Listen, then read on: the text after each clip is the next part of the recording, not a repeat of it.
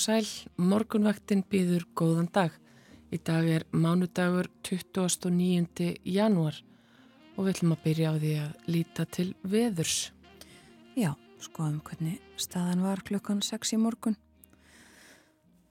Það verður þetta snjóað viða um land, um, var þó allt með kyrrum kjörum þegar við vorum á ferðinni fyrir klukkustund síðan eða svo. Það var einstegsfrost í Reykjavík, allskíjað og hægur vindur. Fjórastega frost í Stafóldsei og hægur vindur sömuleiðis sexstega frost í Stikisholmi, létt skíjað og fjóri metrar á sekundu. Hitti við frostmark á Patricksfyrði, sjö metrar á sekundu þar og einstegsfrost í Bólungavík. Sömuleiðis einstegsfrost í Littlu Ávík, þar var allskíjað og átta metrar á sekundu fjórastega frost á Holmavík og 6 metrar á sekundu þar. Fjórastega frost á Blönduósi og sunnanátt hitin var við frostmark á Akureyri líka. Einstiksfrost og nánast logn á Húsavík og fjórastega frost á Rauvarhöfn. Nýju metrar á sekundu á Skeltingstöðum og einstiksfrost og á Egilstöðum var hiðskýrt klukkan 6 sunnan 7 metrar á sekundu og innstiks frost. Hitin við frostmark á höfni Hortnafyrði og Kvískerjum en þryggjastega frost á Kirkibæjaklustri og nánast lokn. Eina rauða hitatalan sem sínir hita á kortunu var á Stórhauða í Vestmannegjum. Þar var tveggjastega hiti klukkan 6 í morgun, sunnan 9 metrar á sekundu og 5 eh, stega frost í Árnesi. 7 og 8 stega frost svo við á Hálendinu. En þá er spurning hvernig við erum á okkur í dag og kannski næstu dag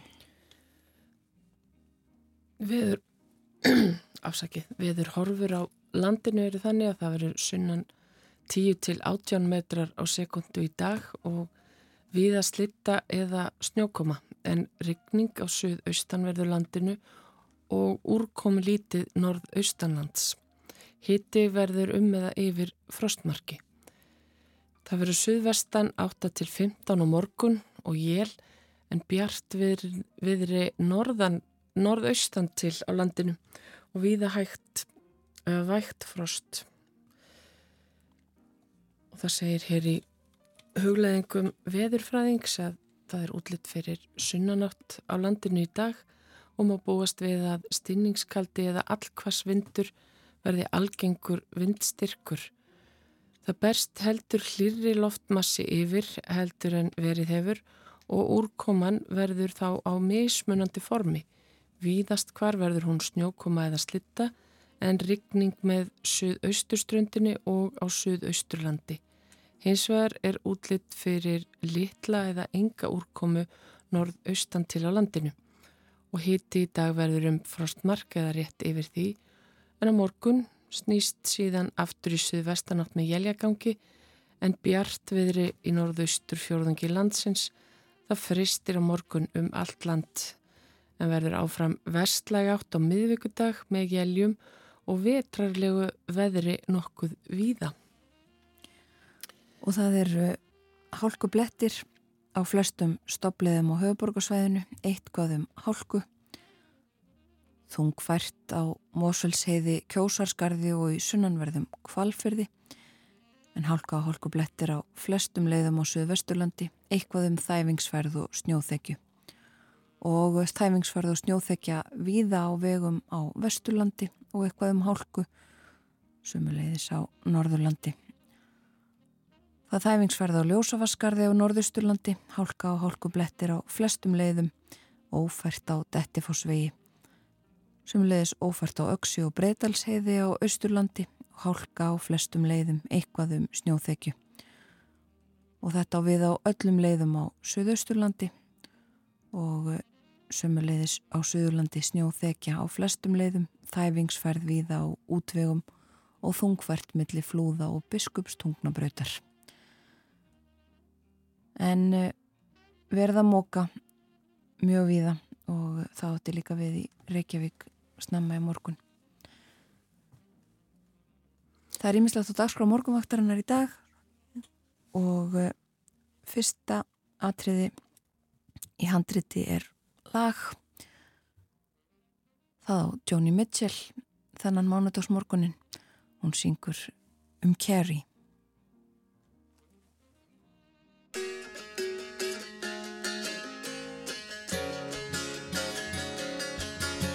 The wind is in from Africa Last night I couldn't sleep Oh, you know it sure is hard to leave here, Carrie But it's really not my home My fingernails are filthy. I've got beach tar on my feet. And I miss my clean white linen and my fancy French cologne.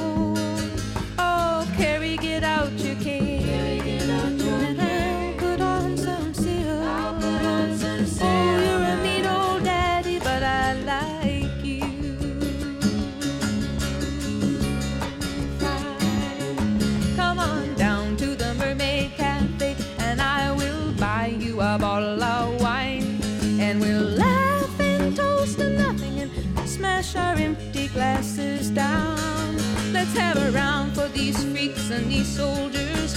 A round for these friends of mine. Let's have another round for the bright red devil who keeps me in this tourist town. Come on, Carrie, get out your cane.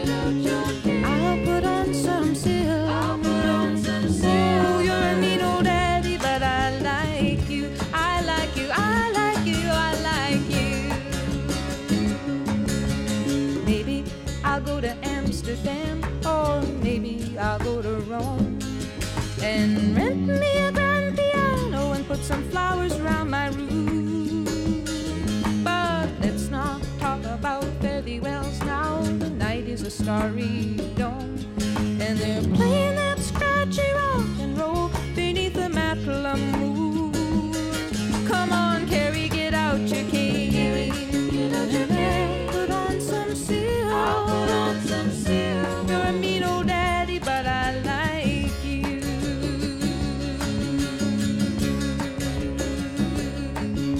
The wind is in from Africa. Last night I couldn't sleep. Oh, you know it sure is hard to leave you, but it's really not my home. Maybe it's been too long a time since I was scrambling down in the street. Now they got me used to that clean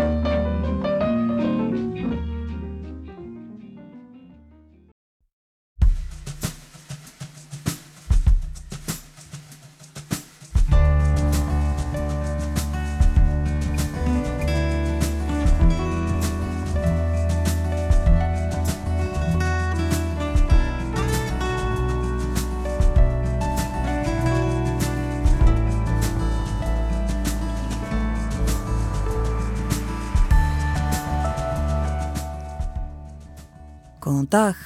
Morgunvaktin helsar mánudaginn 20. og 9. janúar. Umsjónamenn í dag eru Eirún Magnúsdóttir og Þórun Elisabeth Bóadóttir. Niðurskurður samkeppnissjóða vísinda og tækniraðs nefnur rúmum miljardi á árinu samkvæmt fjárlögum. Vísinda fólk hefur mótmælt þessu og jafnvel talað um að niðurskurðurinn jafngildi hóp uppsögn á ungum vísindamannum því færri fái tækifæri til að stunda rannsóknir. Erna Magnúsdóttir dósend og Eirikur Stengrimsson professor við Laknadelt Háskóli Íslands setjast hjá okkur eftir og ræða þennan þunga niðurskurð. Og kjósa þarf aftur milli efstu tveggja frambjóðendana í fórsetakostningunum í Finnlandi. Fyrir lótukostninga lög í gær án þess að einn frambjóðandi fengi afgerandi kostningu. Helga Hilmisdóttir, rannsóknardósend hjá Árnastofnun, er vel að sér í finnsku málöfnum. Hún fer yfir finnsku fórsetakostningarnar með okkur strax aðloknum fréttum klukkan átta. Unnur Sveristóttir fórstjóri vinnumálastofnunar verður gestur okkar í síðasta hluta þáttarins. Við forveitnust um stöðu atvinnuleysis í fyrra og útliti fyrir þetta ár og tölum líka um stöðu grindvikinga. Og við lítum til veðurs. Það er hæglætis veður á landinu í morgunsárið víðast hvar en það verður sunnan átt í dag eh, aðeins kvassari 10 til 18 metrar á sekundu. Stinningskaldi eða allkvass vindur er algengur vindstyrkur segir e, í tilkynningu frá veðustofunni viða verður slitta eða snjókoma en rigning á suðaustanverðurlandinu og úrkomi lítið norðaustanlands Hitin í dag verður um eða yfir frostmarki. Á morgun 8-15 metrar á sekundu, söðvestanátt og jél en bjartviðri norðaustan til og víða vægt frost. Bætir svo í frostið á miðvöggudag, það verður 2-10 stygg og vestlega það breytilega átt og jél í flestum landslutum þá. Hitin svo í kringum frostmark á fymtudag og jél eða slittu jél en á förstu dag alls konar úrkoma, regningslitta og snjókoma viða um land hitin um og yfir frostmarki. En þá kólnar á ný með stífri söðvestanátt og jél ekki gangi en léttir til um landið austanvert. Þannig uh, verða síðustu dagar janúar og fyrstu dagar februar mánadar februar tekur við á fymtudag En það er vissar að fara varlega á vegum úti. Það er viða snjóþekja, þæfingsfærð og, og til dæmis hálkublettir á flestum stoppleiðum á höfuborgarsvæðinu. En á Östurlandi þar er ófært á Öksi og Breiðdalsheiði og við vegagerðarinnar segir einnig að sérst hafi til reyndýra við vegi í áltafyrði, hamarsfyrði og berufyrði og vegfærundur beðnir um að sína aðgátt á þessum slóðum. Við lítum í blöðin eða blaðið það sem kemur út hér á Íslandi á mánudagsmótnum, það er morgunblaðið. Það er greint frá því að fórsíði morgunblansins eins og verið að bera frakkar urðu Evrópameistarar í handbólta í gær eftir framlengdan leik við Dani. Og þetta, þeir eru þetta fagna því eins og verið að bera en aftur á móti eru sittja svíjar eftir með sárt ennið. Því þeim þótti ósangjant að þeir kemist yfir höfuð í þannan úslita leik.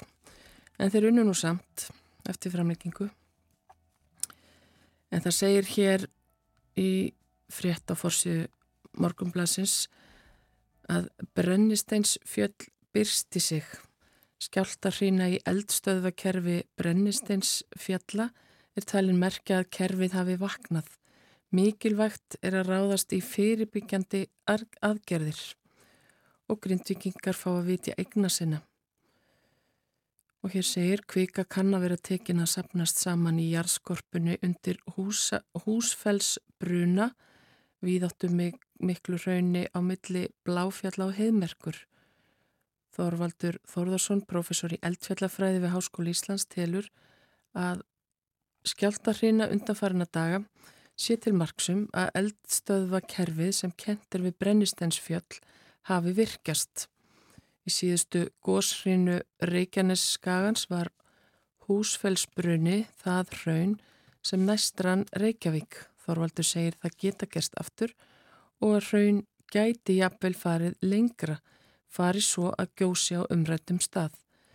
Að hans mati er það mjög mikilvægt að ráðast af alvöru í fyrirbyggjandi aðgerðir og áallanir og það þýðir ekkert að setja það á sem eitthvert aukaverkefni, segir eldfjallafræðingurinn. En það segir hér líka að óþreyju og jafnvel reyði gæti hjá grindvikingum.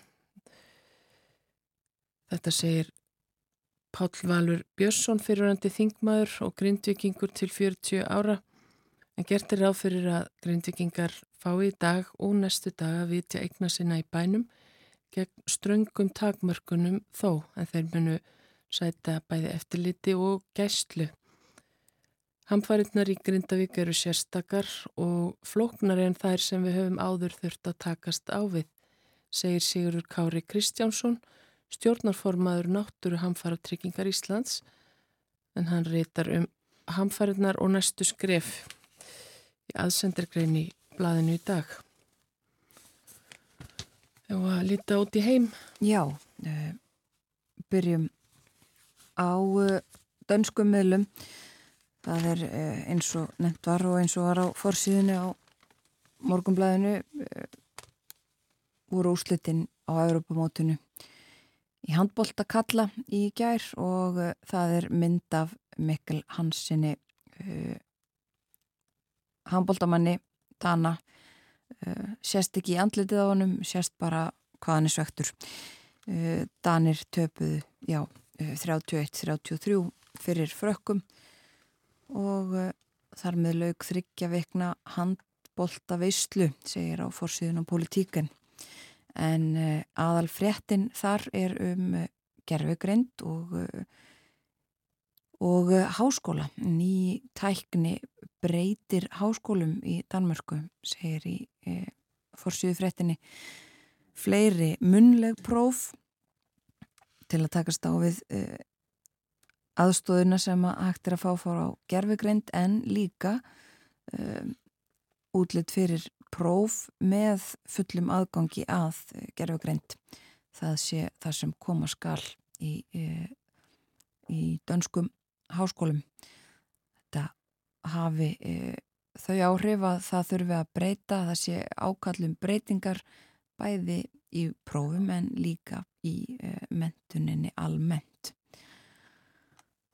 Og e, á danska blæðinu Informasjón fórsíðunni þar er áfram fjallað um e, fyrirtækið Nordic Waste sem við höfum minnst á oft hér á morgunvaktinni. Þetta fyrirtæki sem sapnaði saman úrgangi og, og losaði segja ekki viðan með þeim afleðingum að það er stór hætta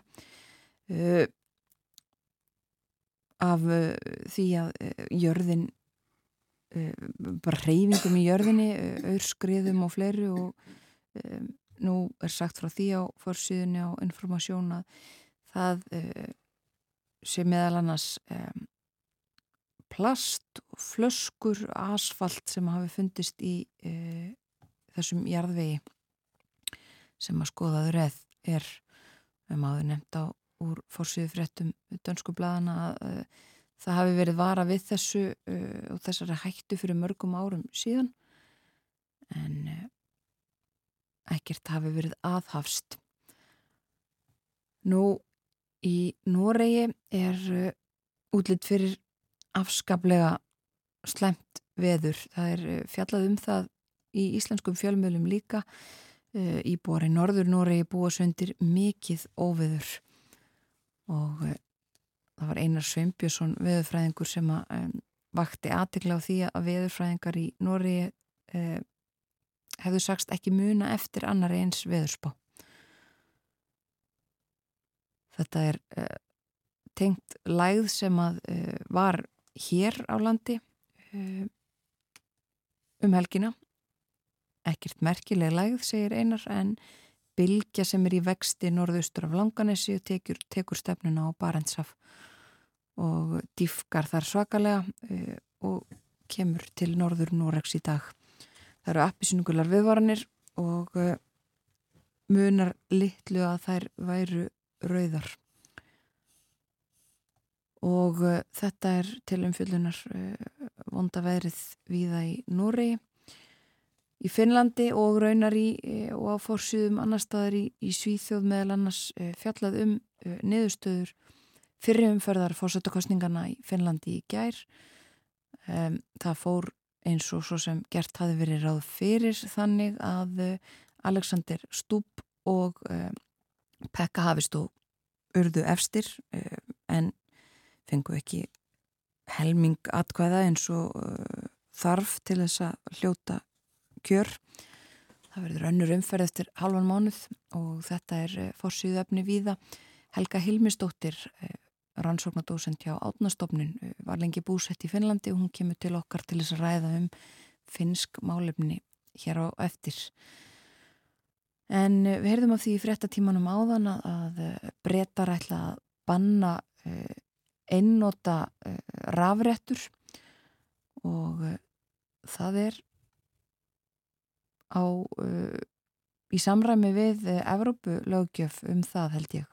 Það hefur verið talað um það hér á Íslandi að, að þetta verði sömu leiði skert hér á landi uh, miklar takmarkanir á þessu uh, sölu á, á þessu.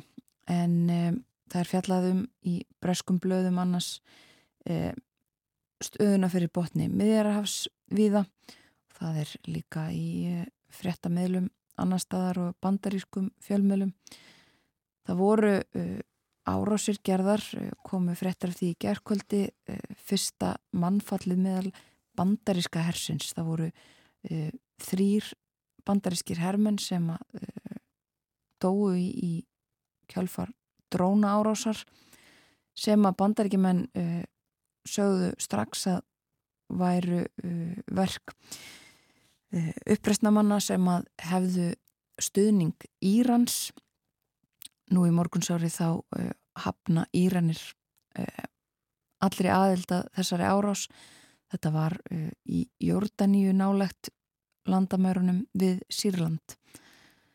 Tjóbætin bandaríkjafórseti sagði að stjórnvöld í Washington myndu, myndu svara þessari árás á þeim tíma og þann hátt sem að þeim þóknaðist. Þetta hefur vakið svona mm, óta um að uh, þetta geti enn uh, orðið enn eitt aðtriði til þess að uh, breyða út átökin fyrir botni meðrarhafs en þó sagt að kvorki Íranir nýja bandarkjaman hafi nokkur áhuga á að gera það. Þeir hafi ekki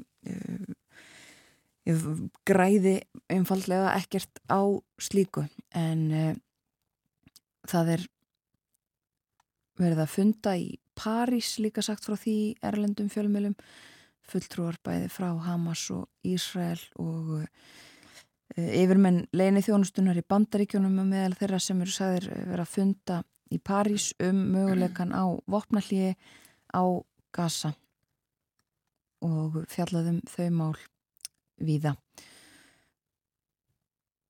en aftur hingað heim er hún. Það er uh, mál sem að tengjast einmitt stöðinu fyrir botnum meðrahafs.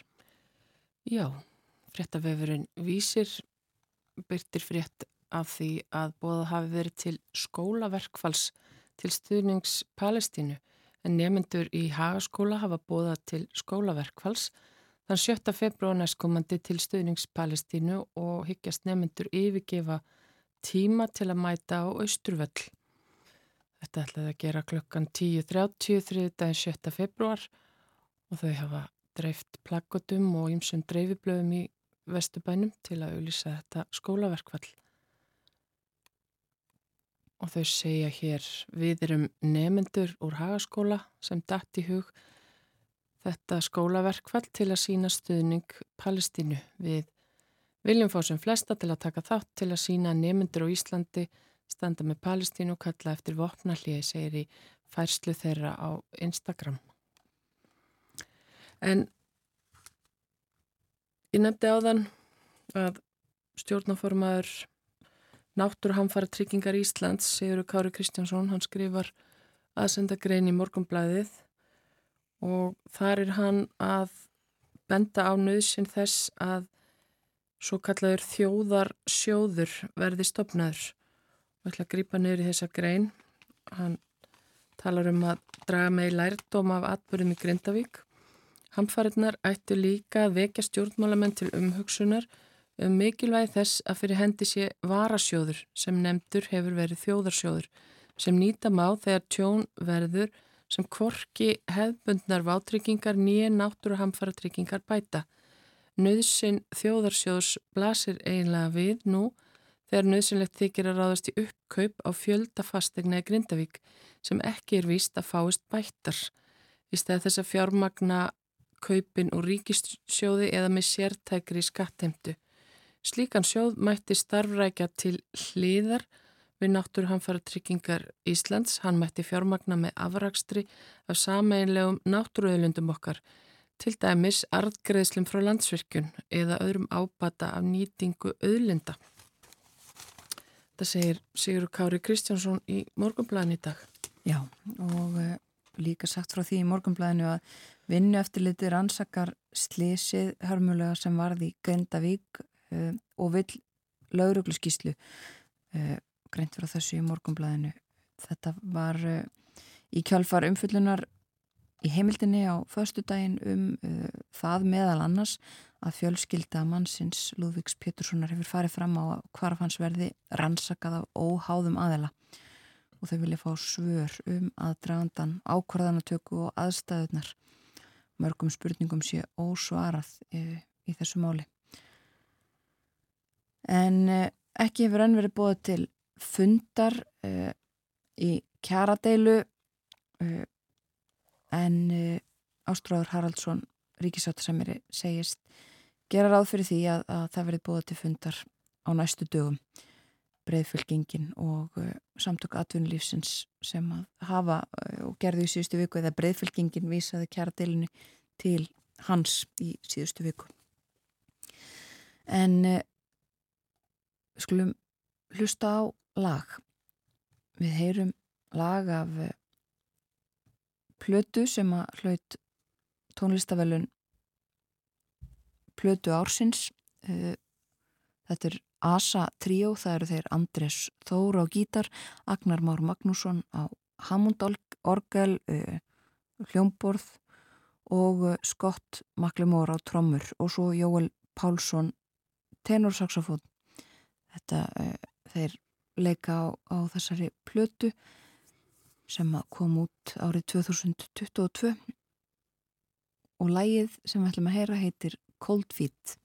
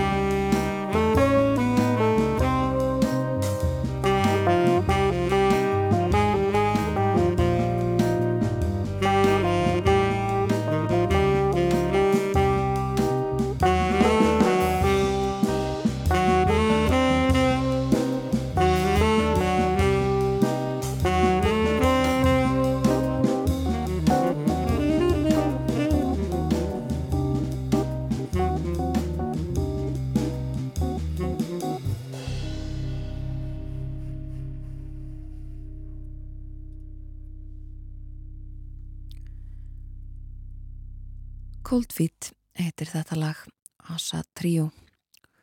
Það liður yfirleiti morgun frétta. Það kemur frá fréttastofunni eftir eh, rúma mínútu. Svo verða hjá okkur hér á morgunvaktinni þau Erna Magnúsdóttir og Eirikur Stengrimsson, vísindamenn.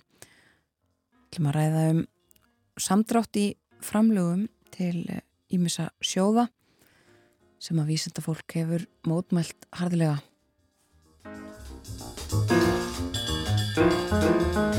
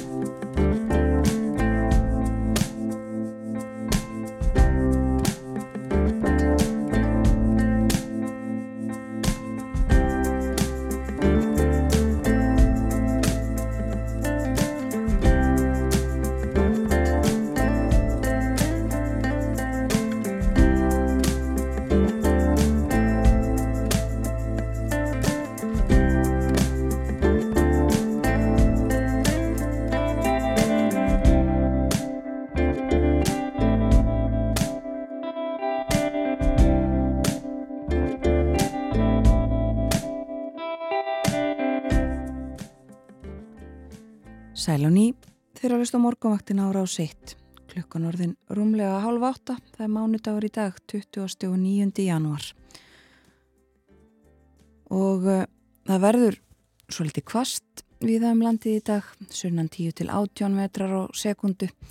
Viða líka slitta eða snjókoma en rigning á söðaustanverðu landinu og úrkomi lítið norðaustanlands. Hitin í dag um eða yfir frostmarki. Það verður svo söðvestanátt á morgun, 8 til 15 metrar á sekundu og jél en bjartviðri norðaustan til á landinu og viða vægt frost á morgun. Og það borgar sig að fara varlega, eh, mögulega svo litið af snjó á bílum og eh, það er hálka, hálku blettir og hálka eh, víðast hverjum landið meðal annars á flestum stoppliðum og höfuborgarsvæðinu. En verða móka var hafist handa við það eldsnama í morgun bæði uh, vegi og uh, gungu hjólastíða. Og við minnum á það að eftir frettinnar klukkan átta verður hjá okkur Helga Hilmistóttir, hún er rannsóknudósend hjá átnastofnun en kemur til okkar af og til sem sérfræðingur um finsk málefni tala við okkur um fyrri, uh, fyrri umferð fórsöldakostningarna þar í landi sem að fóru fram í gær og uh, völdum líka upp spurningum um það sem geti gerst fram að setnu umferðinni sem verður eftir halvan mánuð. Og í síðasta hlutu þáttarins verður svo unnur Sverrisdóttir fórstjóri vinnumálastofnunar gestur okkar hér á morgunvaktinni. Við ætlum að tala um atvinnuleysi og uh, horfurnar á vinnumarkaði hvernig atvinnuleysið var í fyrra, hvernig útlitið er fyrir þetta ár og uh, við tölum líka um stöðu grindvikinga. Það er þó nokkuð sem uh, er inn á borði vinnumálastofnunar hvað var þar málefni þeirra. Við ætlum að tala um sjóði og rannsóknir í þessum hluta þáttarins en á fjárlögum sem samþýtt voru fyrir áramót er gert ráð fyrir samdrætti í framlögum um rúman miljard til samkeppnissjóða vísinda og tækniráðs, rannsóknarsjóðs, tækni, þróunarsjóðs og innviðarsjóðs. Vísindafólk uh, mótmælti þessum samdrætti harlega, nú í haust mætti meðal annars á Þingpalla, en hinga til okkar eru komin þau Erna Magnúsdóttir, dósent og Eiríkur Stengrimsson, professor við Læknadeild Háskóla Íslands. Verið velkomin á morgunvaktina. Takk fyrir. Takk. Uh, fjármunir til rannsókna dragast saman. Um, getið sett þetta kannski fyrst aðeins í smá samhengi. Þannig að við talum að samanlagt 1,1 miljard króna sem Mhm. er minna úr að spila, hvaða svona áhrif hefur það á þá, þá sem eru starfa við það að stunda rannsóknir? Já, við hérna sáum bara strax áhrifin núna, það var hérna útlita á rannsónasjóði núna fyrir tveim viku síðan og reyndir alltaf gleðilegt að það er gert og frábær verkefni sem að voru hérna fengu hérna styrki. En það var bara 18% árangurslítvall og þetta er sko sjóður sem að styrkir verkefni til þryggjára þannig er raun og veru þá er, er innan við hérna 1.50 sem að fær hérna styrk. Þannig að raun og veru svona það virkir kannski alveg þannig þá má segja að, að hérna þú eigir sens að fá styrk á fimm ára fresti í þryggjara verkefni. og það sem þetta gerir er að hérna þó að starfæðan virki kannski ekki alveg svona en þá gerir þetta verkum að fólk er að fá sjálfnar styrki en það þyrft að fá til að halda verkefnu gangandi. Og þá er það sem gerist hjá okkur er að þá hverfur mannauðurinn úr verkefnunum. Og þá er þetta pínu eins og að spila hérna slönguspil að þú bara lendir aftur, bara þú lendir á slöngu og þú er konar byrjunarreit að þú ert að fara fá aftur fólk í verkefni, þú ert að þjálfa aftur upp fólk, þú ert að skapa aftur þekkinguna sem tilherir verkefninu. Þannig að þetta gera það verkum að rannsóknum umhverju verður rosalega brotakent þannig að við viljum svona helst að árangurinn árangurslítualli sé kringum 25% sem að það var fyrir tveimur og síðan. An, annað sem gerist er náttúrulega það að það eru færri nefnendur sem koma inn í verkefnin mm -hmm. langstæstu hluti þessara fjármuna fjara í að greiða nefnendum laun við verkefni, mastersnefnum aðalega doktorsnefnum og þeir þá kom ekki inn í verkefnin, það eru færri slíkir sem þýðir að það eru þá færri sérfræðingar eftir þrjú ár, fimm ár til þess að endunýja þekkinguna, koma inn í atvinnulífið, búa til eitthvað nýtt það sem við erum að, það sem að, það sem að sjóðning gera, þeir fjármagna verkefnin, þeir leif okkur að gera einhver verkefni, búa til einhver, einhver þekkingu, en þetta er líka þjálfunarprogram, við erum að borga laun fyrir doktorsnefnana mm. og doktorsnefnarnir verða síðan sérfræðingar sem að fara inn í atvinnlífið atvinnlífið er alltaf að kalla eftir aukinni, auk, auknum fjölda sérfræðinga, það er það sem þarf inn í kerfið. Mm. Ef við sjáum hvað er að gerast í, í hérna það er bara gríðarlega mikið að gerast í nýsköpun á Íslandi og það hefur verið svolítið keirt nefnitt áfram af eblingu tæknithrónarsjóðs sem var eldur fyrir hvað, tíu ára síðan eitthvað svo leiðis og þar er það einn helsti svona stuðningsaðili þeirrar aukningar voru samtök aðurlífsins og samtök yðnaðarins vegna þess að þau sá að fyrirtækin voru að óska eftir sérfræðingum, óska eftir velmentuðu fólki. Þeir voru að óska eftir peningum inn í nýsköpununa vegna þess að fyrirtækin voru að nota þetta til að keira áfram nýsköpununa. Þannig að hérna, þetta hefur slæm áhrif til fram, þetta, þetta er raunin svolítið verið að fresta framtíðinni. Það er það sem þetta gerir. Mm -hmm.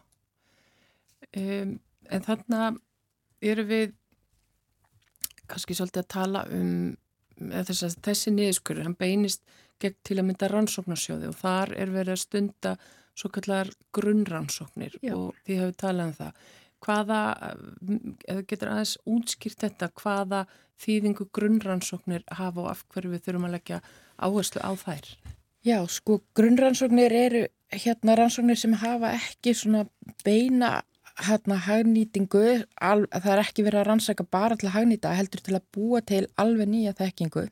Þannig að þetta er eina leiðin okkar til þess að búa til nýja þekkingu og það er svo mikilvægt til þess að hérna að þú breyka þekkingagrundu öll samfélagsins og hérna þannig að, að svo gerir það að það verður til þessi þekking og hún leiðir svo af sér nýsköpun og við vitum það alveg ef það er fjárfest nógu breytt í grunnrannsóknum að þá hérna er bara nánast garanterað að hluti af þeim grunnrannsóknum verða að mjög verðmættri nýsköpun og til dæmis í bandarækjunum þá hefur það verið reiknað út að á bara átta árum að þá hérna ávakstast um, uh, fjárfesting í grunnrannsóknum 44 falt að því hún er svo dýrmætt fyrir samfélagi þannig að, að því hún stöðlar að framförum, það er málið. Já. Og það á bara 7-8 árum. Já. Þannig að þetta er einhver besta fjárfesting sem hægt er að setja í, þjóðfélag geta farið í. Ég held, að, sé engin fjármögnunarsjóður sem er með svona áhustum. Nei, en uh, ég er að velta fyrir mér sko þetta með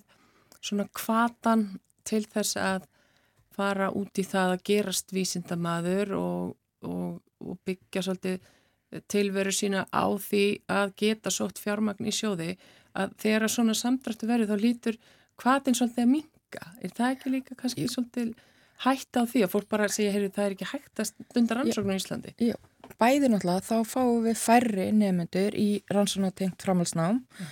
og bæði meistarnám og doktorsnám og hérna við, bara, bara samdrátturinn í rannsóknarsjóðnám ársverkum um, kringum 70-80 doktorsnema og hérna og svo líka að það er hérna fólk sem geti kannski hugsa sér eftir þannig nám að menta erlendis að koma til Íslands og hérna bara hæfileika ríkt fólk sem við myndum vilja fá hinga til að taka þátt í rannsóknum og þetta er að fyrsta sem fólk horfir á hvort að sé stutt við uh, grunnrannsóknuna nógu vel og fólk forðast þá að koma til Íslands til þess að hérna, stundar rannsóknunar. Það er ofta að horta á þetta sem eðslu Já. en þetta er í rauninni fjárfestingt í framtíðarinnar. Mm -hmm. og ef þú skoða hva, hvernig bandarækjumenn gerir þetta, þeir eru náttúrulega verið fram þeir eru svona leiðandi svolítið í heiminum í nýsköpun, hafa verið það lengi mm -hmm. þeir eru kannski að tappa því, ég veit ekki. En ef þú skoða hvernig þeir fjármagnar rannsóknir grunnrannsóknir, þá halda allir að þetta séu bara einhverju peningar og fyrirtækjum í samstarfi við háskólan, það er alls ekki svoleiðis. Það er ríkið sem setur þessa peninga inn. Ríkið setur til dæmis 45 miljardar bandarækjadólara bara í heilbreyðisansóknir ef við væri með sambærilega fjármögnun hérna þá væri þetta um 5 miljardar sem ætti að fara í heilbriðisansóknir engöngu á Íslandi. En það eru 350-60 miljónir Já. þannig við erum langt á eftir í bandaríkjamannum í þeirra fjárfæstum þannig það sem gerist er það að bandaríkjaman setja fjöð inn í National Institute of Health til að, til að hérna, styrkja heilbriðisansóknir og National Institute of Health deilir þessu sen út til háskólana eftir er að kennararnir í háskólanu sækja um til NIH um styrkina. 85% af rannsóknar fyrir háskólana kemur úr svona sjóðum í bandaríkjunum. Langstæsti hlutin. Mm -hmm. Þannig að það er ekki fyrirtækin í bandaríkjum sem er að styrja rannsóknina, þetta er NIH sem er að styrkja bandaríska ríkið. Mm -hmm.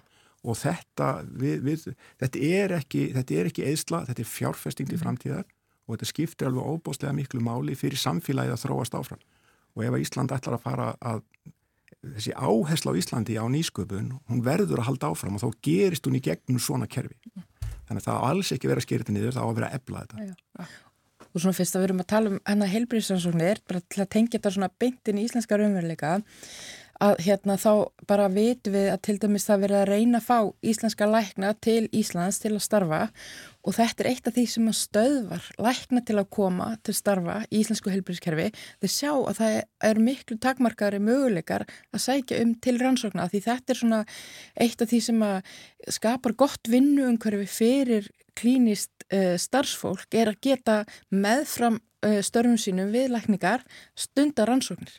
Þannig að þetta er líka, uh, þetta, er, þetta hefur áhrif á svo margt, þetta er bara stór kvati fyrir okkur til þess að leysa bara stór vandamáli heilbyrðiskerfinu ekki bara með lausnirnar sem koma út úr gunnarsóknunum, heldur líka til þess að manna heilbyrðiskerfi. Þannig að þetta tengist alveg hérna, ótrúlega bara á mörgum stöðum inn í íslensk, íslenskan raunveruleika.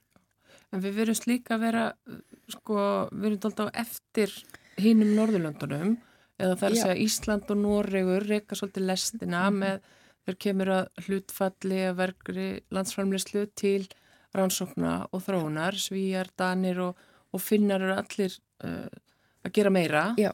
En hvað, sko, hvað liggur træðan hér til að sjá þetta sem að, sem að þið eru að tala um? Þetta er mjög góð spurning. Það Það er nú, ég, ég er ekki alveg, ég held að sé svolítið hjá uh, stjórnvöldum að þau sjá ekki alveg Já. tilgangin með grunnrannsóknarum og þeim finnst þetta að vera óþarfi og það hefur verið lengi svo leiðis. Síðan er annað vandamálir það að, að það eru engi sérstakki talsmenn í kerfinu fyrir grunnrannsóknir. Það eru við erðna sem erum alltaf eitthvað að yppa gogg. Uh, en ef þú til dæmis skoðar ferðarþjónustuna þá eru þeir með heils sérstakkan talsmann sem að rýsa alltaf upp þegar eitthvað er en við erum ekki með neitt svo leiðis þannig að þetta er allt og, og, og háskólanir einhvern veginn eru svolítið, þeir eru alltaf að verja sína fjármögnum þannig að þeir hafa enga sérstakkan áhuga á sjóðunum þannig lagað sér þannig að þetta er einhvern veginn svona það vantar einhverja talsmenn og það vantar einhvern áhuga hjá stjórnvöldum til þess að virkilega gera eitthvað í þessum málum. Uh, það, það sem að, eitt af því sem að gerist í grunnræðsóknum er, er, er hið óvænta. Maður veit aldrei hvað kemur út úr þessu. Það getur verið svo óvænt og það getur verið svo langt niður göduna, langt á eftir að fjármögrunni kom. Uh, það eru mörg dæmi með um þetta og besta dæmi hérna frá Íslandi er náttúrulega Keresis. Þeir byrjuðu með með styrk frá teknitrónusjóði.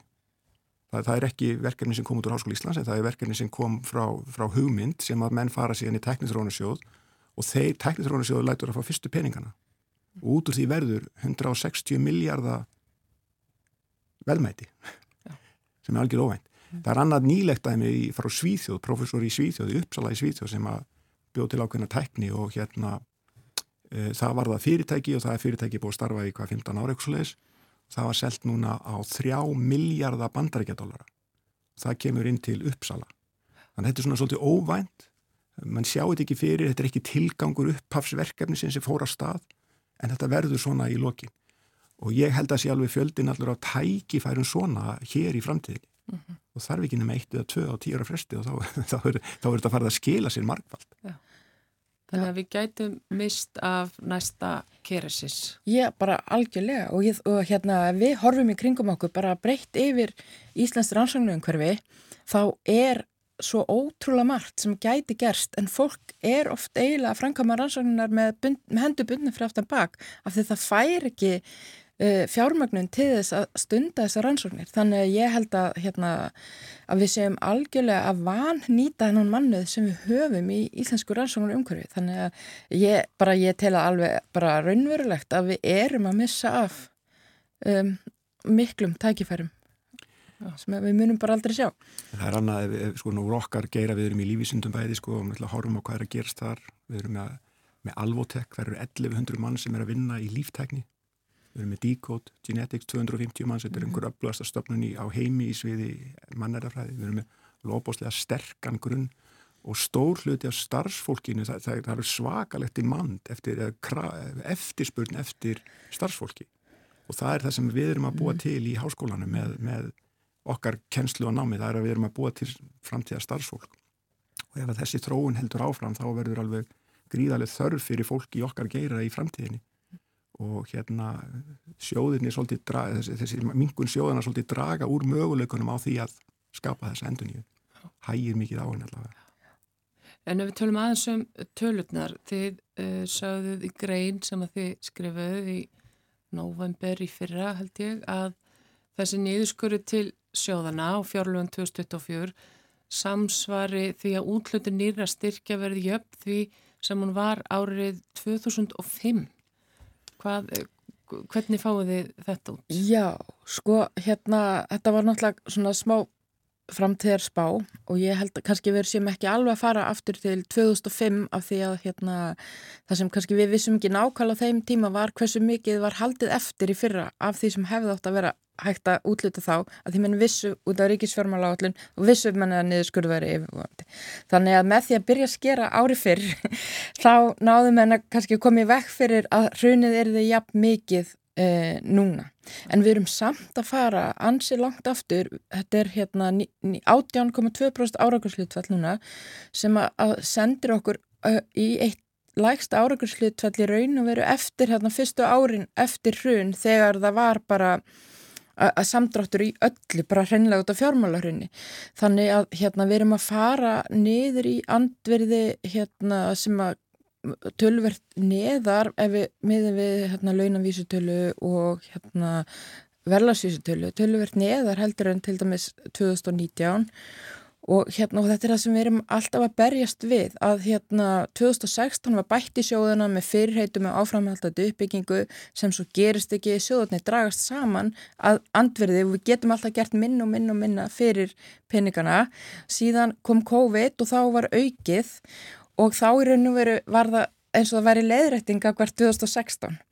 Þannig að við vorum auðvitað mjög glöð að fá þessa aukningu Og nú fáum við þau skilabóð að það hafi bara verið tímabundið og það er verið að höggva svolítið stórt skarð í þá fjármögnun sem að kom út af COVID og þess vegna erum við að dragast hana, ennþá lengra aftur úr heldur en við vorum hérna fyrir 2016. Þannig að, að, hérna, að einhvern veginn fjármögnun sjóðan og hún fær ekki haldast í hendur við þann kostnað sem að er við rannsóknirnar og hún bara svona sjálfgrafa dregst aftur úr út af því að krónitalan helst först. Já. Þannig að og það er náttúrulega allt hækkað fyrir uh, vísindamenn Já. eins og, eins og bara alla Já, aðra. Öll aðföng launakostnaður, já. og, og öll aðfengur orðið miklu dýrari. Miklu, bara Já. bæði að því við erum að kaupa mjög mikið ellendis frá af, af svona mjög sérhæðum rannsóknar aðfengum og hérna það er allt bæði hækkað og svo gengi krónunar ekki mjög hægstætt og svo þetta bara er launaskrið og stór hluti á sjóðunum fyrir hérna laun til að þjálfa fólk. En uh, sko, Evrópusambandið er með það markmið að uh, ríki verji 3% af vergri landsfælmesslu til rannsókna og þróunar en Ísland uh, hefur raun áður sett sér eitthvað svipa markmið en ekki náði. Er þetta markmið eitthvað sem ætti að stefna hér og hvar stöndu við? Já, ég veitum ekki kannski alveg nákvæmlega hverju stöndu núna þess að tölur alltaf nokkur ára gamlar og ég held að hérna það sem er að gerast núna í Íslandi er að hérna endugreisla hérna á kostnaði nýsköpunarfyrirtækja hún er að stuðla að því að við erum að nálgast þessa tölu mun hraðar heldur en hérna við hefum nokkuð tíman gert áður. En það sem að kannski vandin er er að í staðin fyrir að hérna hafa breyðan grundvöld þessar hækkunar og líka styrkja grunnræðsóknunar að þá er hérna er farið í þessar endugreislu til sprota sem er frábært og við erum bara alls ekki að tala mótið því. Þetta er mjög dýrmætt fyrir nýsköpun en þá er einhvern veginn grunnrásunar skildar eftir þannig að hérna, þannig ég held að, við, að Ísland vilji stefna að þessu og þessi endurgreisla til nýsköpunarfyrirtækjana uh, aðstofar okkur við að ná þessu markmiði en það, það verður líka að hugsa um það nákvæmlega hvernig við náum markmiðinu og það sé heilstaði nálgun á það.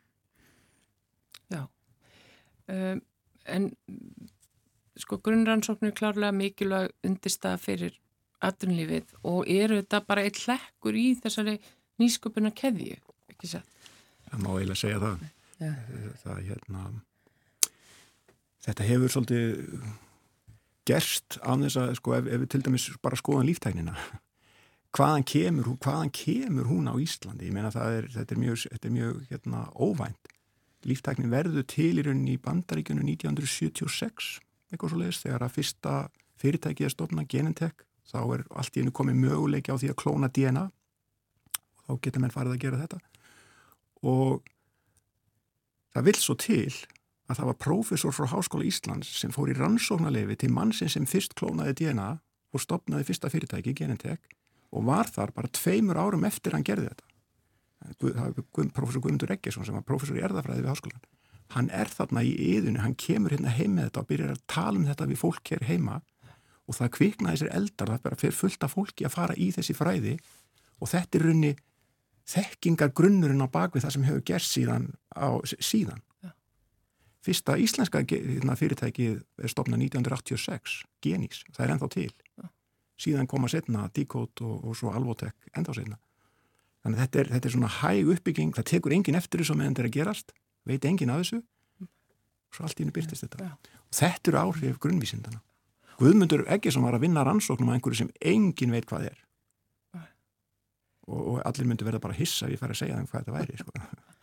Já, en fólki sem hann þjálfaði, það bara er út um allt á Íslandi að gera frábæra hluti, Já. líftækni.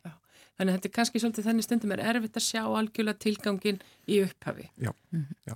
Að- Og en síðan, eh, en við þurfum að, að stunda þessar grunnrannsóknum, við þurfum áfram að styrkja við þér til þess að, að skapa einhverja nýja þekkingu og sem að skila sér þá inn í aðunlífið og, og bara í betra þjóðfélagi. Já, og við raun og veru vitum aldrei hvaða nýjökurna koma, bara hérna, mjög margir hertum CRISPR erðabreiðingateknina, mikið verið fjallamuna. Og hérna hún kom, hún var hérna þeir sem að funda hana upp voru að rannsaka hvernig bakteríur verjast veirum og það voru, sko, það voru ekki þessar hérna svona fyrirferða miklu krabbaminsrannsóknir sem að allir einhvern veginn skilja já, auðvitað þarf að rannsaka krabbamein. Heldur hérna voru þetta svona mestu vísinda nördarnir það voru nördar nördana að rannsaka hérna ónæmis hérna hegðun bakterja þannig við, þetta er bara þú veist, það hefði engin raun og verið séð þetta fyrir fyrir 20 ára síðan. En hérna en samt eru þessar rannsóknir styrktar af því að hérna að þær eru þetta eru grunnrannsóknir og mynda hann að þekking grunn og svo allt í hennu verður bara að sprengja og þetta er að valda Þetta er að koma núna inn í alls konar meðferðir og, og hérna, þannig að við veitum það bara aldrei hvaðan þekkingin kemur. Það er greinilegt að við þurfum hérna umbósmann vísindamanna. það er ekki neðst Það. Heyrðu, ég þakka ykkur kærlega fyrir komuna Erna og Eirikur. Takk. Takk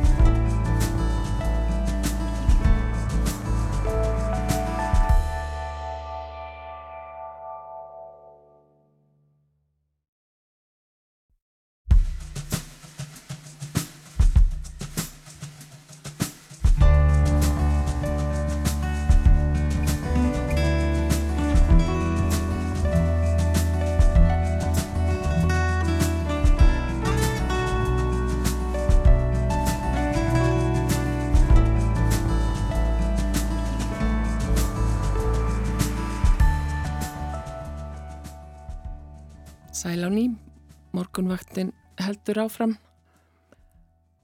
Klukkan er 5 minútu gengin í nýju. Hér á þessum mánudagsmórni rættum áðan við Ernu Magnúsdóttur, dósent við Læknatild Háskóli Íslands og Eirík Steingrímsson, prófessor við sömu deild. Við rættum um niðurskur til rannsóknarsjóða sem þau telja að geti ógnað nýsköpun hér á landi. Og hér á eftir upp úr klokkan hálf nýju fáið til okkar unni Sveristóttur, fórstjóra vinnumálastofnunar og ætlum að rappa við hana um stöðu og horfur á vinnumarkanum.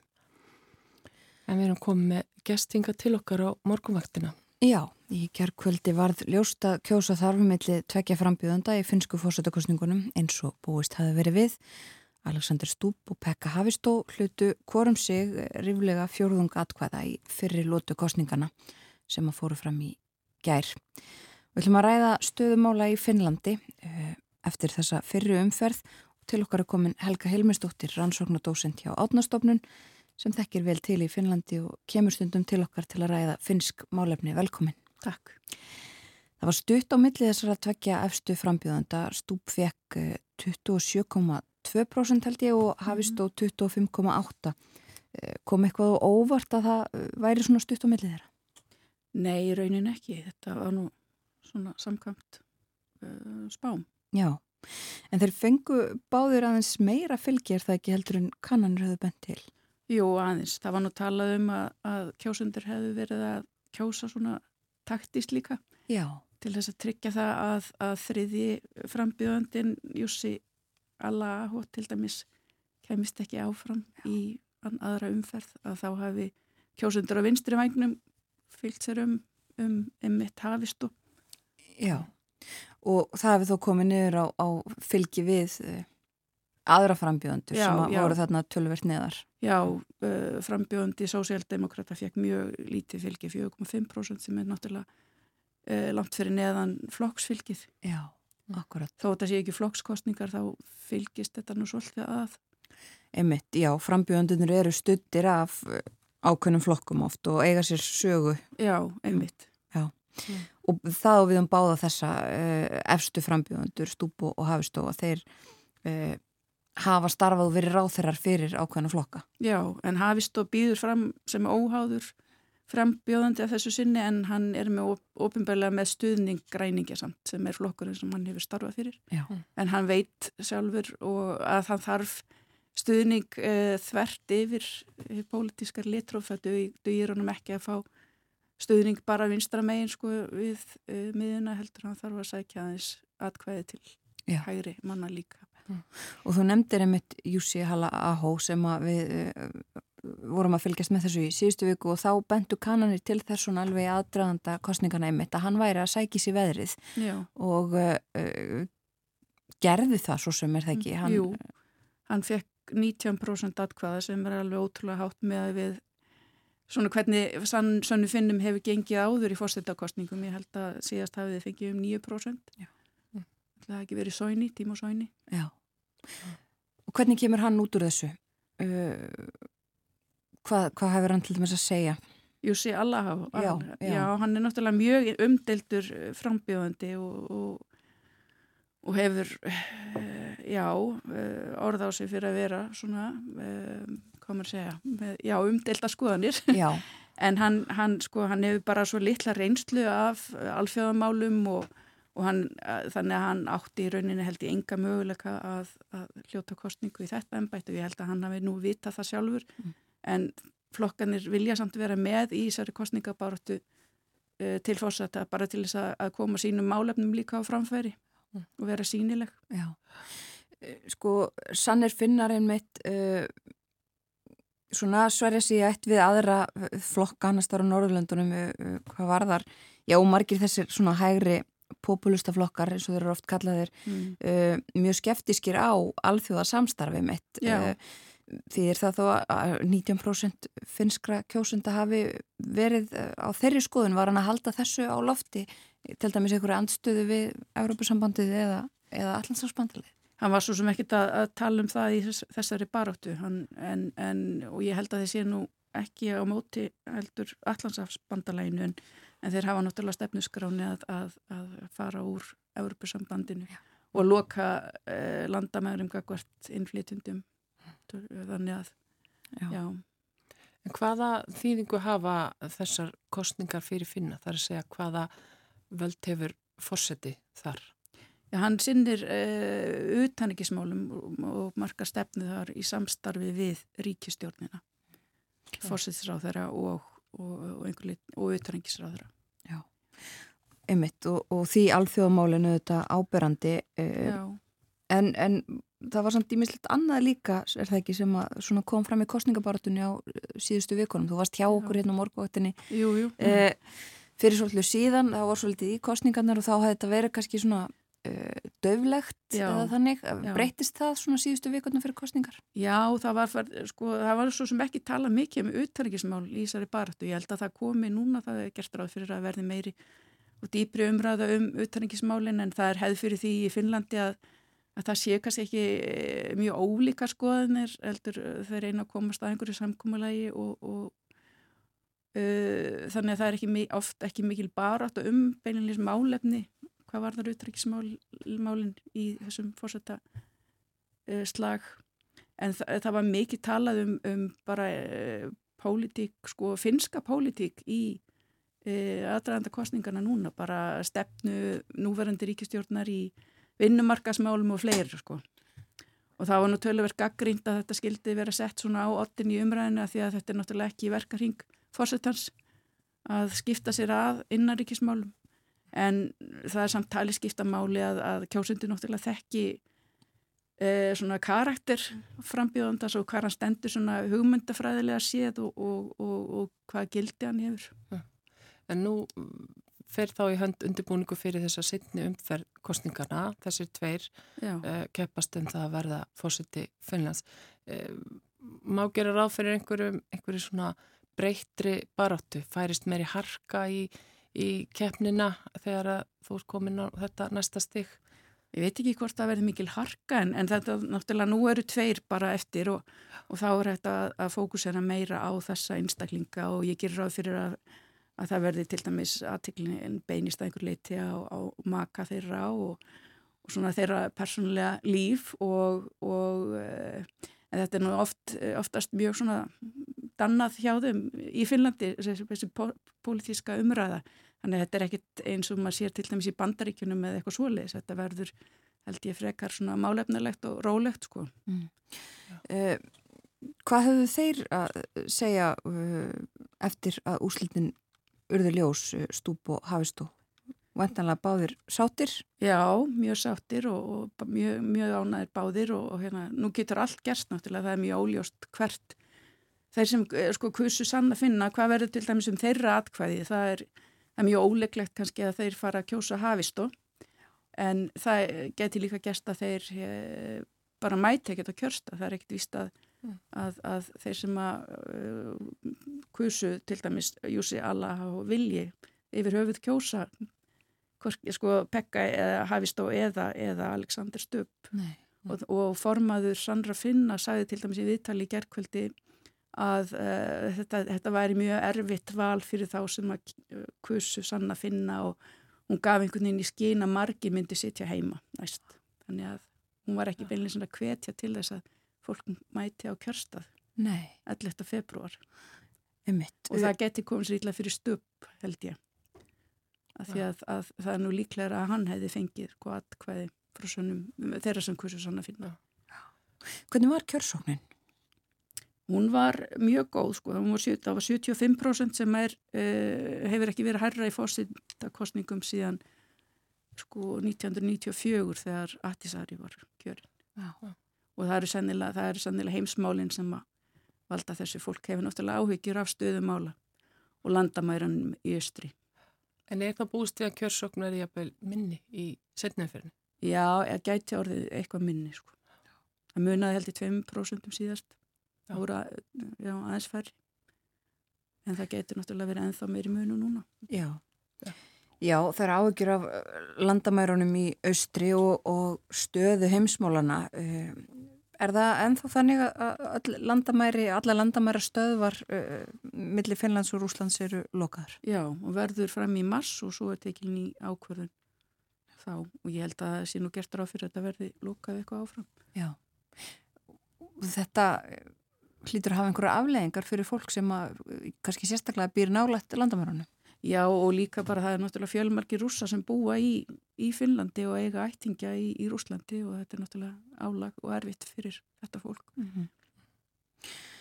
Sko, það er ímislegt annað, þú sagði það að hann fyrir hlutin í, kostningabaratunni eh, fór svona svo litið í að ræða innaríkis pólitík og, og það sem er að gerast í Finnlandi. Mm. Um, þú er minnst á það hér með okkur áður að, að það hefur verið bóður og, og kannski hafinn talsvöru niðurskurður og, og breytingar á ímsu í, í Finnlandi. Mm -hmm. Uh, ég bara, hver er staðan uh, á þeim málum núna? Já, ég held að séu bara uh, að hefjast verkvöld, hvort það séu ekki bara í þessari viku. Mm. Er alltaf vítök verkvöld í almenningssamgöngum og, og leikskólum og fleira. Já. En að samfélagi geti lamast eitthvað á næstunni og þetta er kannski eitthvað sem að myndi líka koma sér illa fyrir stöp það sem að það er hans, hans flokkur er náttúrulega að fer með fórsætisráðuneytið. Mm. Og hverju er fólk svona uh, helst að mótmála? Hvað er það sem fólk vil fá fram með, með þessum verkvöldum?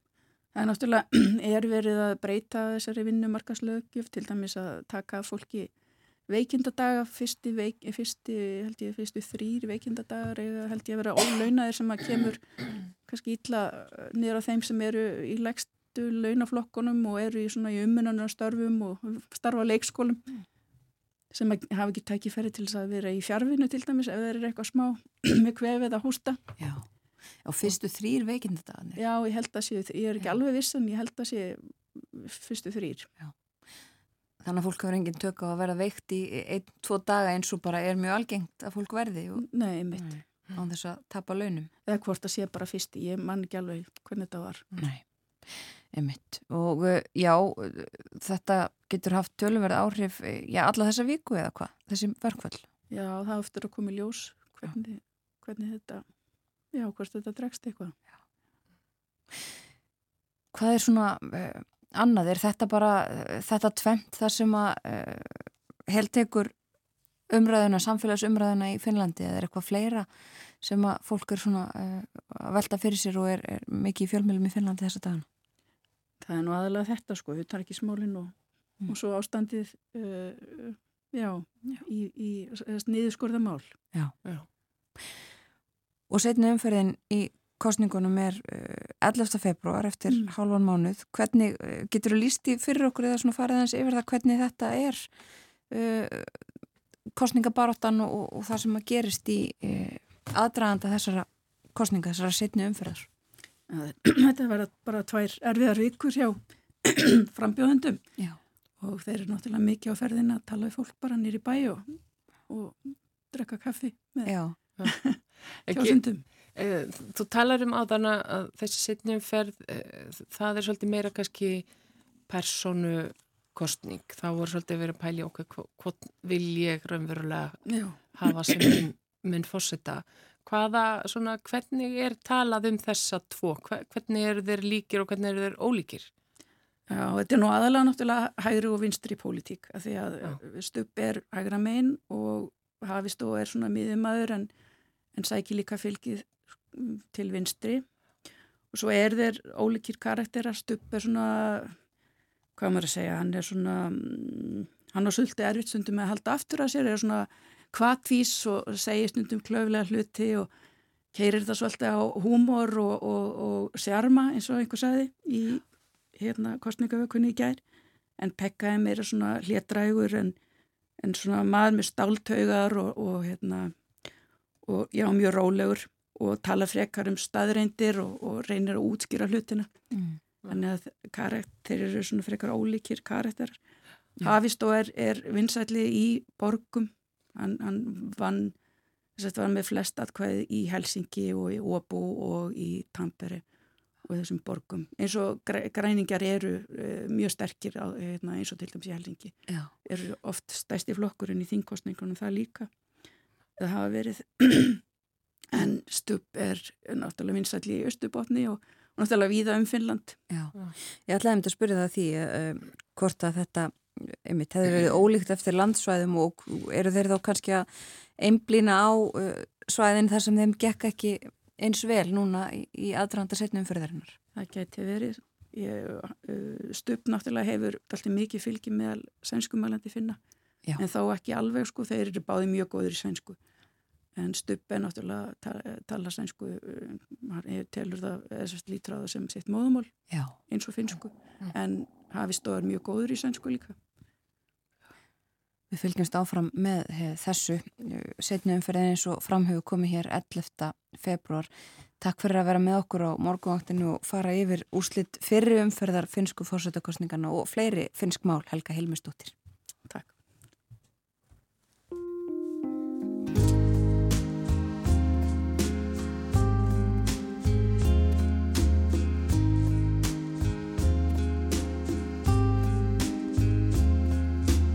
Sopnað ég get ekki síð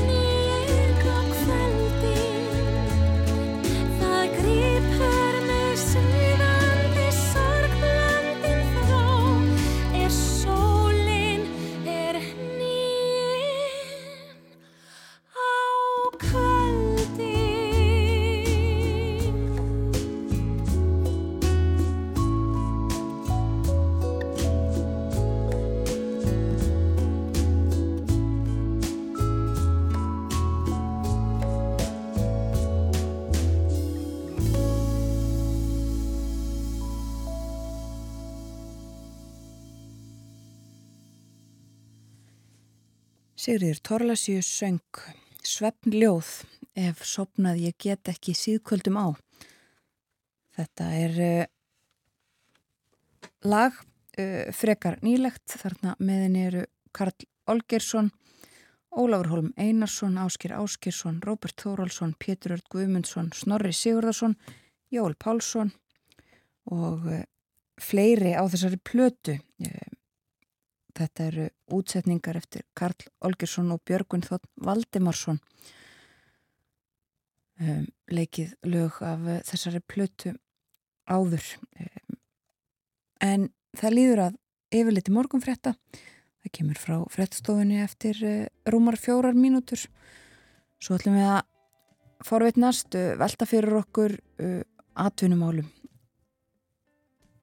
til okkar kemur Unnur Sverrisdóttir fórstjóri vinnumálastofnunar hún er að koma sér fyrir hjá okkur og við ætlum að tala um atvinnuleysi, horfurnar á vinnumarkaði og svo litið um stöðu grindvikinga líka.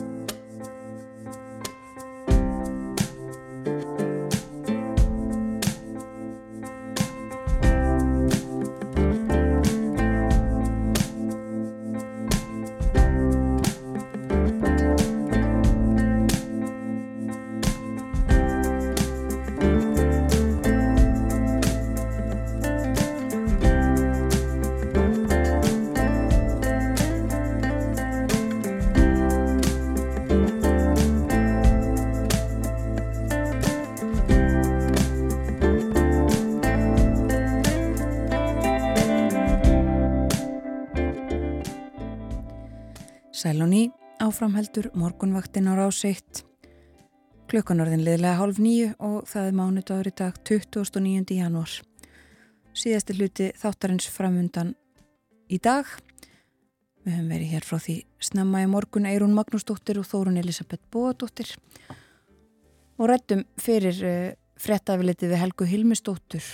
Hún er uh, vel að sér í finnskum málefnum fór yfir fyrirum fyrir fórsetakostningana sem framfór í gær og uh, rætti aðeins um önnur mál, uh, stór mál í Finnlandi meðal annars það, það eru viðtæk verkföll bóðuð í þessari viku til að mótmæla niðurskurði og breytingum á vinnulögjöfin í Finnlandi og viðbúið að þessar aðgerðir muni já svo gott sem lama finnst samfélag.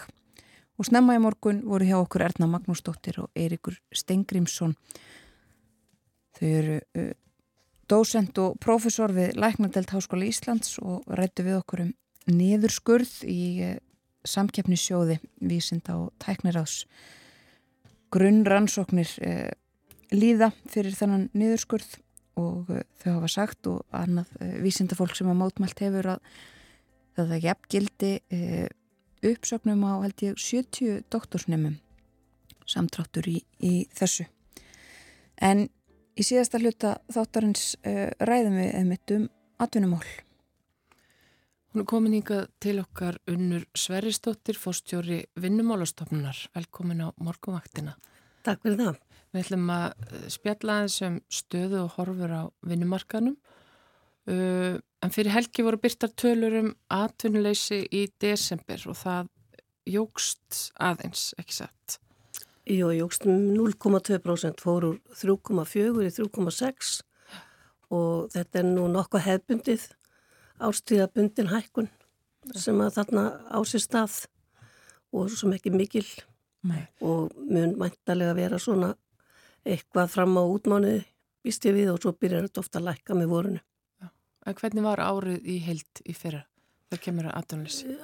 Árið í fyrra var bara nokkuð gott meðaltals atvinnuleysi árið 2023 var 3,3% og fórum með þessu undir 3% aðeins undir e, þess að þrjá sumamánuði, júni, júli og ágúst Þannig að það var nú bara nokkuð gott ástand á vinnumarkaði á síðast ári.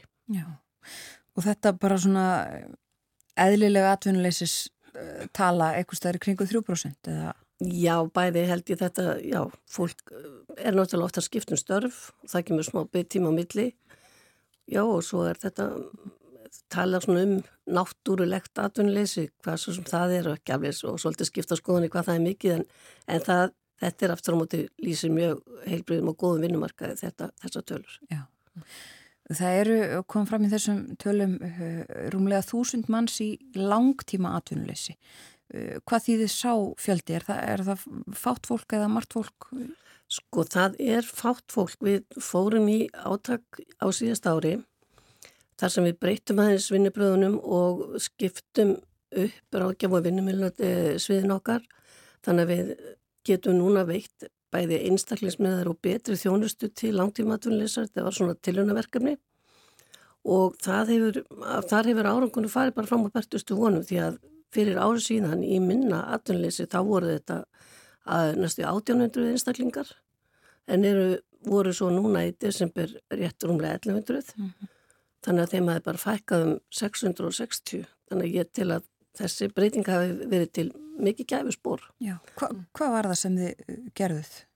Uh, við tókum uh, þannig að þeir, þeir sem eru búin að vera tól mánuði eða lengur í atunleit uh, þegar við skimum aðeins fyrir því hvaða er sem að uh, það er spurningalisti sem er svara og, og þeir, þannig að við skimum fyrir því hvað er það helst sem er að hindra þau í atunleitinni og síðan er það náms- og starfsákjafar sem fá ákveðin hóp útlutaðan af skjólstæðingum og þeir eru með sama sagt, ráðgjöfan allan tíman og þetta er bara svona massífari ráðgjöf og stuðningur við þetta fólk og það hefur skilað svona mjög góðum árangri. Já.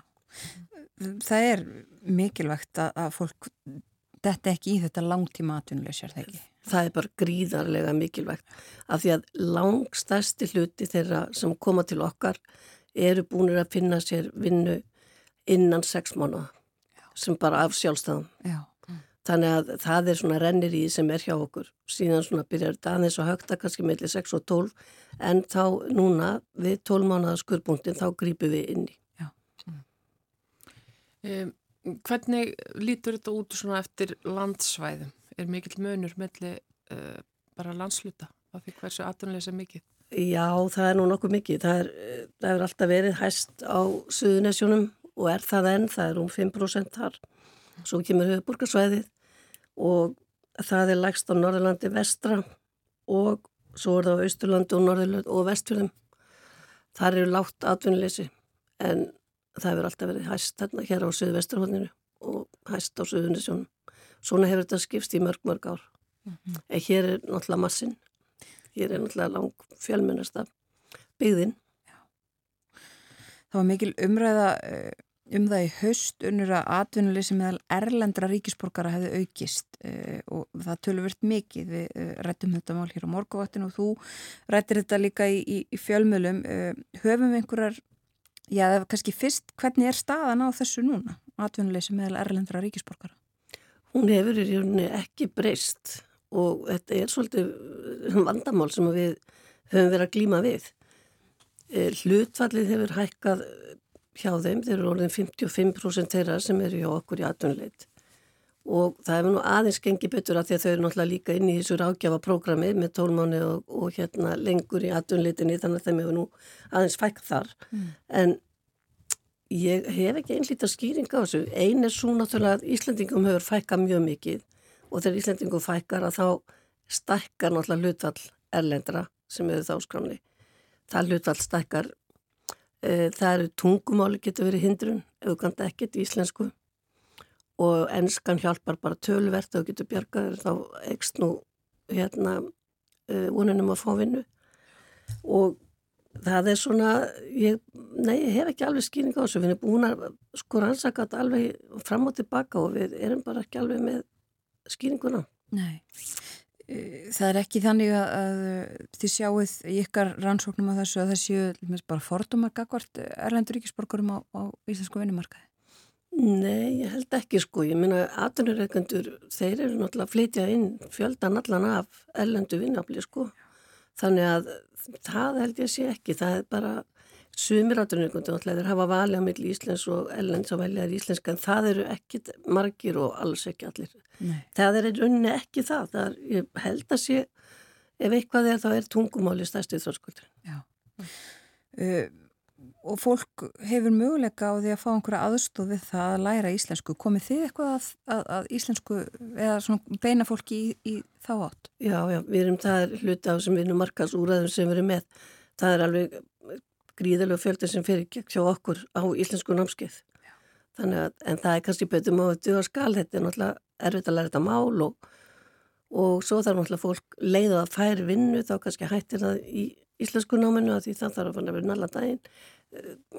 Þetta er, já, ég held að þetta sé samt mesta aðstofun það er að auka íslensku kjensluna og gera hana markvisari og við höfum verið með tilhörni til dæmis að vera með íslensku nám tengt ákveðinni starfsgreinum eins og leikskóla líðar það gaf mjög goða raun í vor þau, allir sem að, það, þau sem að sótu það Já. þau fengu vinnu hvað heldur verið einn eða tveir sem ekki þá var það vegna þess að þeir náðu ekki nógu góðum tökum á tungumólinu en þannig að við erum, með, erum líka að prófa okkur áfram þar, nú ætlum við að fara í að vera með svona námskeið þar sem að íslensku hjanslan er tengd e, hjálp á hjúgrunarheimilum svona, já aðstofa fólk á hjúgrunarheimilum og kannski spítulum og þá lærir við tungutakið sem þar er notað.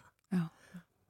þannig ég held að þetta geti líka verið ein leiðin til þess að kannski hjálpa fólki inn á vinnumarkandi framtíðar. Já, þetta eru auðvitað vinnustæðir þar sem eiginlega alltaf vantar starfsfólk. já, já, algjörlega. En uh, það kemur fram í þessum atvinnuleysustölu fyrir desember að það við fjölgað uh, atvinnuleysum og suðunusum og eins og þú sagðir áðan þá er svona atvinnuleysi er mest þar og hefur verið kannski síðustu árin. Um, en svona maður hugsar um Grindavík í þessu samingi. Þetta er ekki vegna Grindavíkur eða hvað uh, þessi aukning þarna í desember?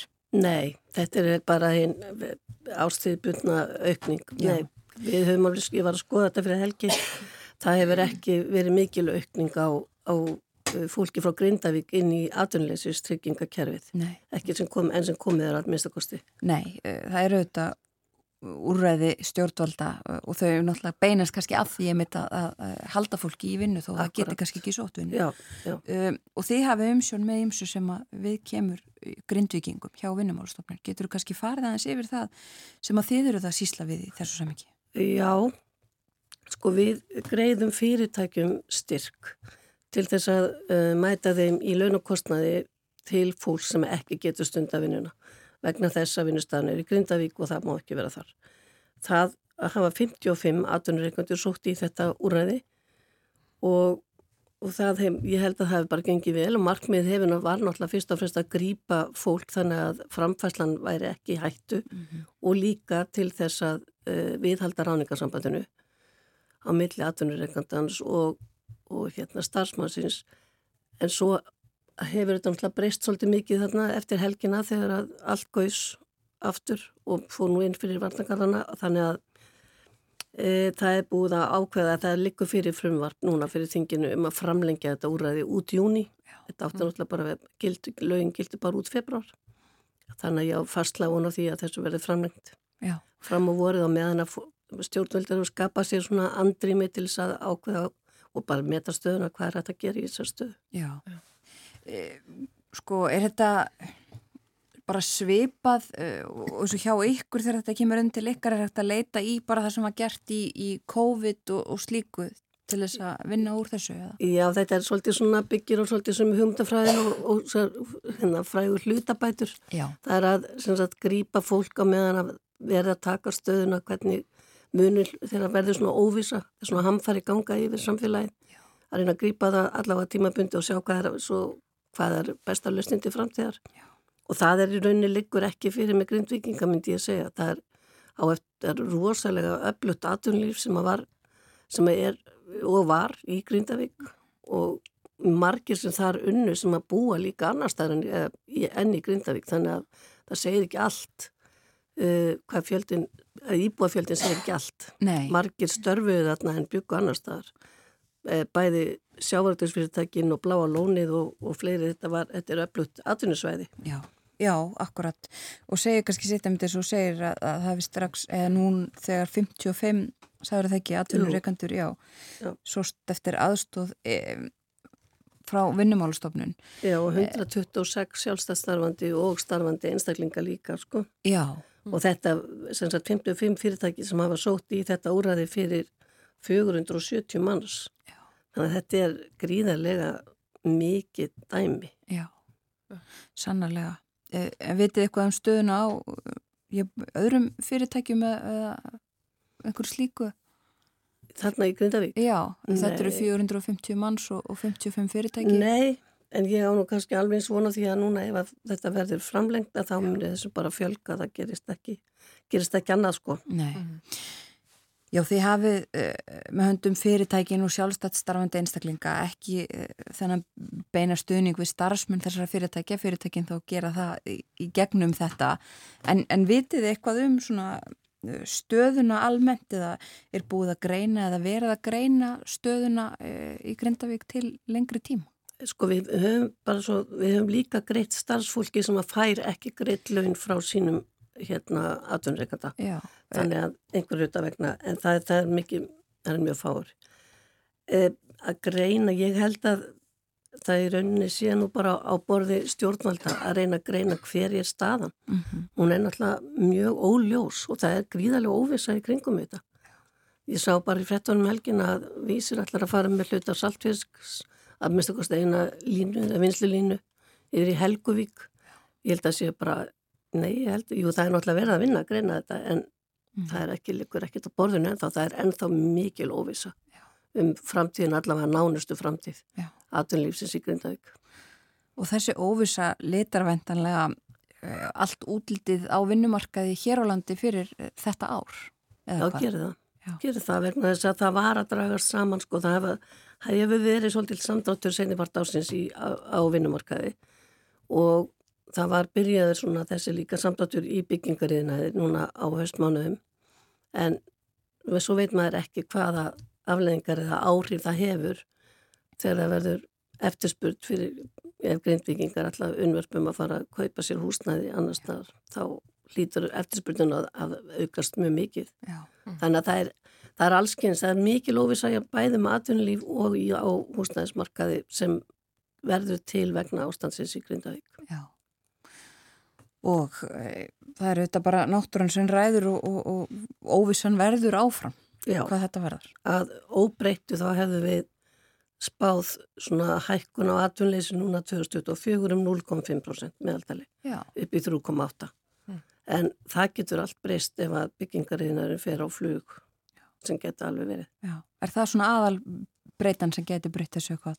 Já, svona stærsta breytan held Já. ég, mist það svona blasa við. Já. En svo sjáum við líka hvað verður hjá þessum sjávartöðsfyrirtækjum og, og hvort að bláa, bláa lónið er líka gríðalega stór vinnustæður, hvort Já. að það getur haldið opnu. Já. Þetta eru, þetta er mikið undir. Akkurat og eins og þú komst inn á áðan uh, blómlegt atvinnulíf og öflugt í Já. Grindavík og þessu svæði Já, Já. einmitt. og þið fylgist vantarlega áfram með þessu og, og uh, haldið áfram með þetta að, að ræða við og, og sinna þessu sem að ykkur hefur verið faglega sinna. Já, já, já. Takk fyrir að koma til okkar á morgunvaktina og ræða við okkur um atvinnuleysi og, og uh, horfurnar unnur Sverristóttir fórstjóri vinnumálastofnunar. Takk fyrir mig.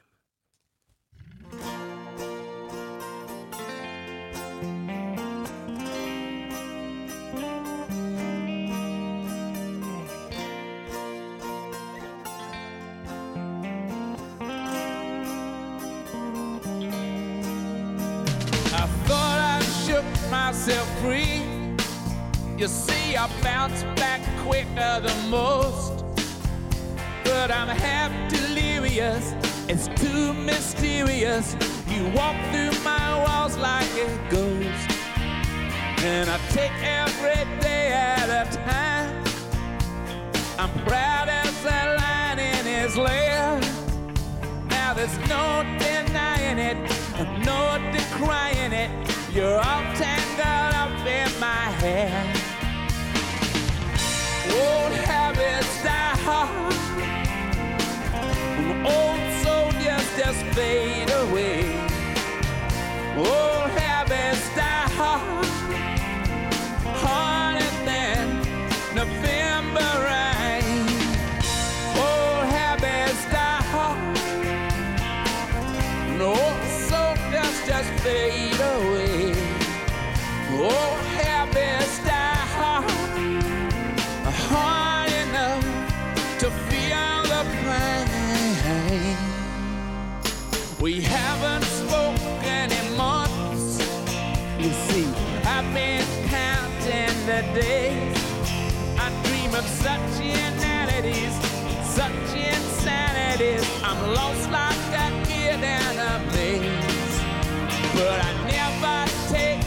your calls.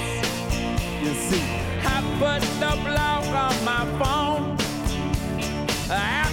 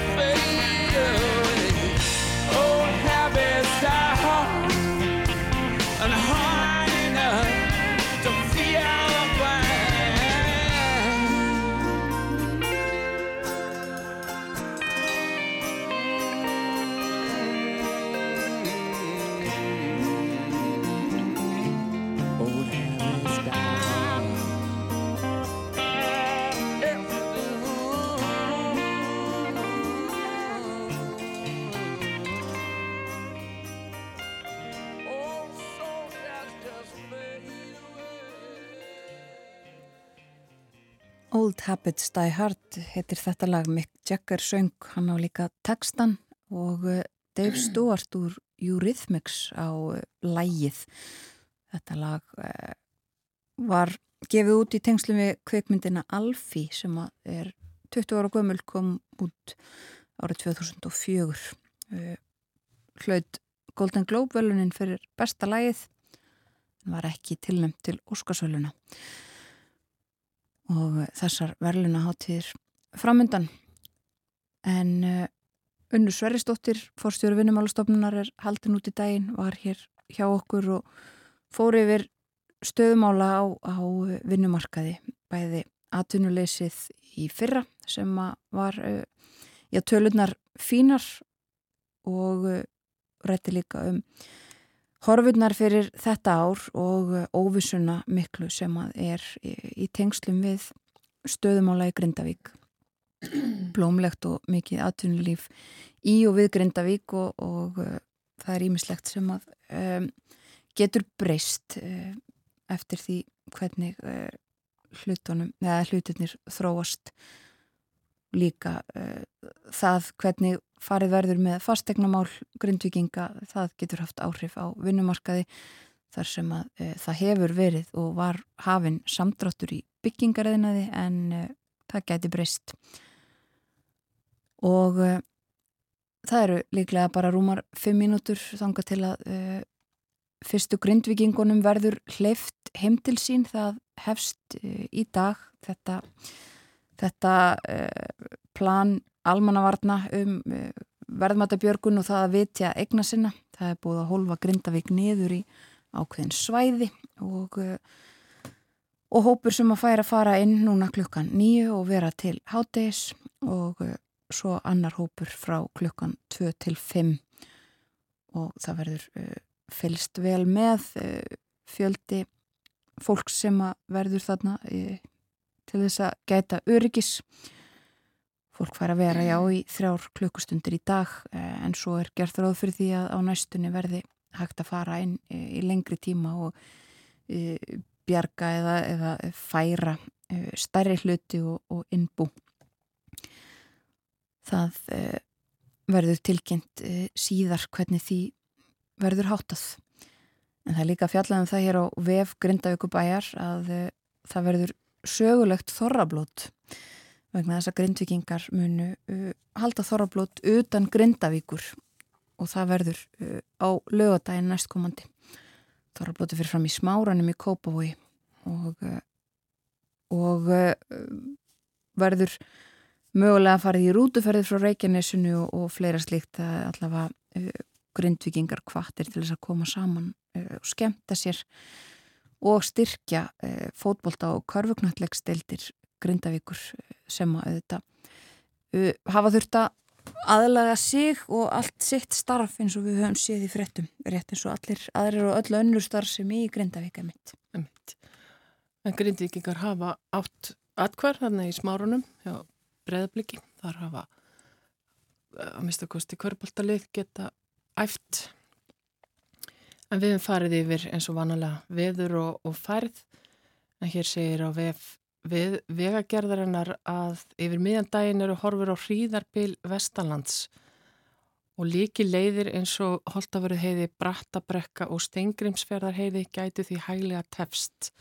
Það er full ástæði til að minna á þetta og það er hálka, hálku blettir, snjóþekja og þæfingsfærð víða.